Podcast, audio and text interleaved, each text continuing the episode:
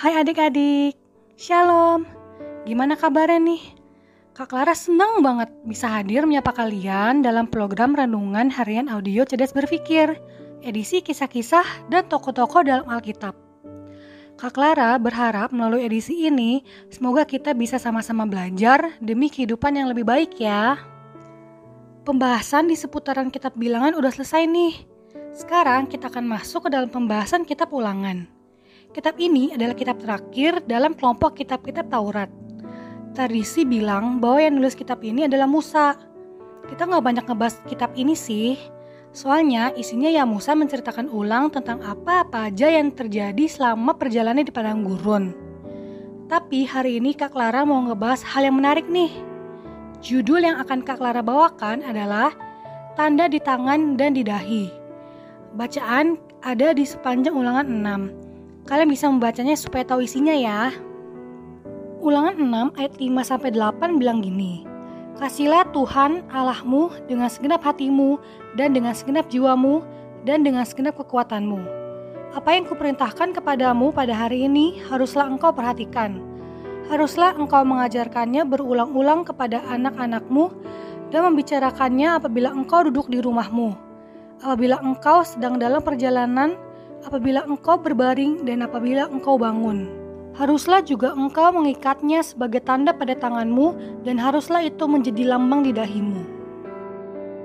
Hmm, intinya orang Israel waktu itu dan kita juga diperintahkan untuk mengasihi Tuhan. Serta firman Tuhan harus menjadi pengaruh dalam setiap bagian dari hidup kita. Harus diajarkan, diobrolin, bahkan harus jadi tanda di tangan dan di dahi. Nah ini yang mau kita bahas. Oh iya, gara-gara perintah bahwa firman Tuhan harus jadi tanda di tangan dan di dahi, orang Israel sampai bikin ikat kepala dan kayak semacam gelang berjumbai yang ada tulisan firman Tuhannya loh. Ya ada benarnya sih supaya mereka tetap ingat firman Tuhan. Tapi Kak Clara rasa bukan itu maksud utamanya. Hmm, dalam berkomunikasi sebenarnya ada yang namanya penyampaian pesan dengan makna sebenarnya ada yang bukan makna sebenarnya atau kiasan untuk memperkuat pesan. Misalnya, Tono tolong taruh makanan di atas meja makan ya.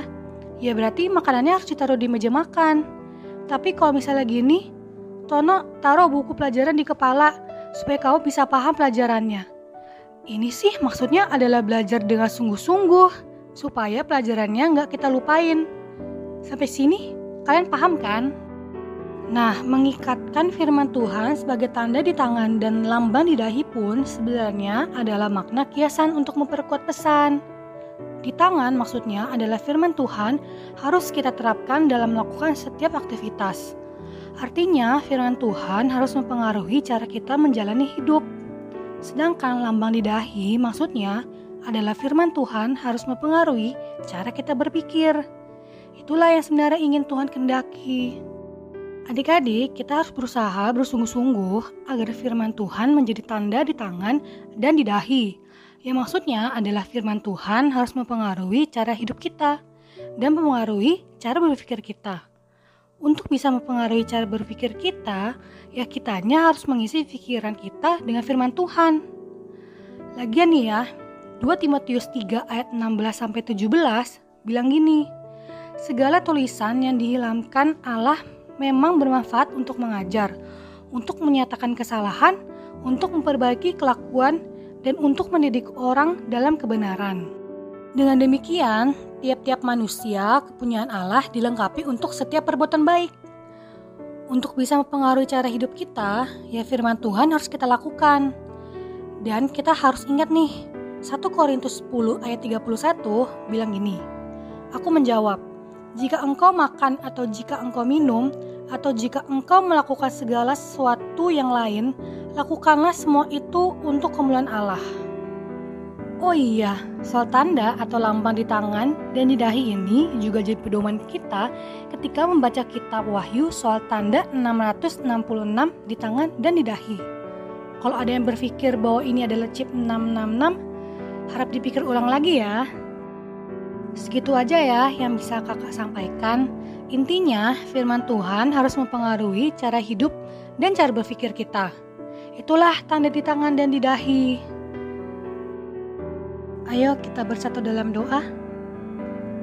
Tuhan Yesus, terima kasih atas renungan pagi hari ini. Kalau pada pagi hari ini kami boleh belajar untuk selalu bersyukur dengan apa yang kami miliki. Ajar kami Tuhan untuk selalu mendengarkan firman-Mu, mengubah cara hidup dan cara berpikir kami agar dipenuhi dengan firman-Mu. Kami yakin dan percaya Kau selalu ada di dalam hidup kami. Sekali lagi kami berterima kasih kepadamu. Kami telah berdoa dan mengucap syukur. Haleluya. Amin. Oke, tetap sehat, tetap semangat, dan tetap jadi berkat. Jangan lupa bahagia ya. Tuhan Yesus memberkati. Dadah.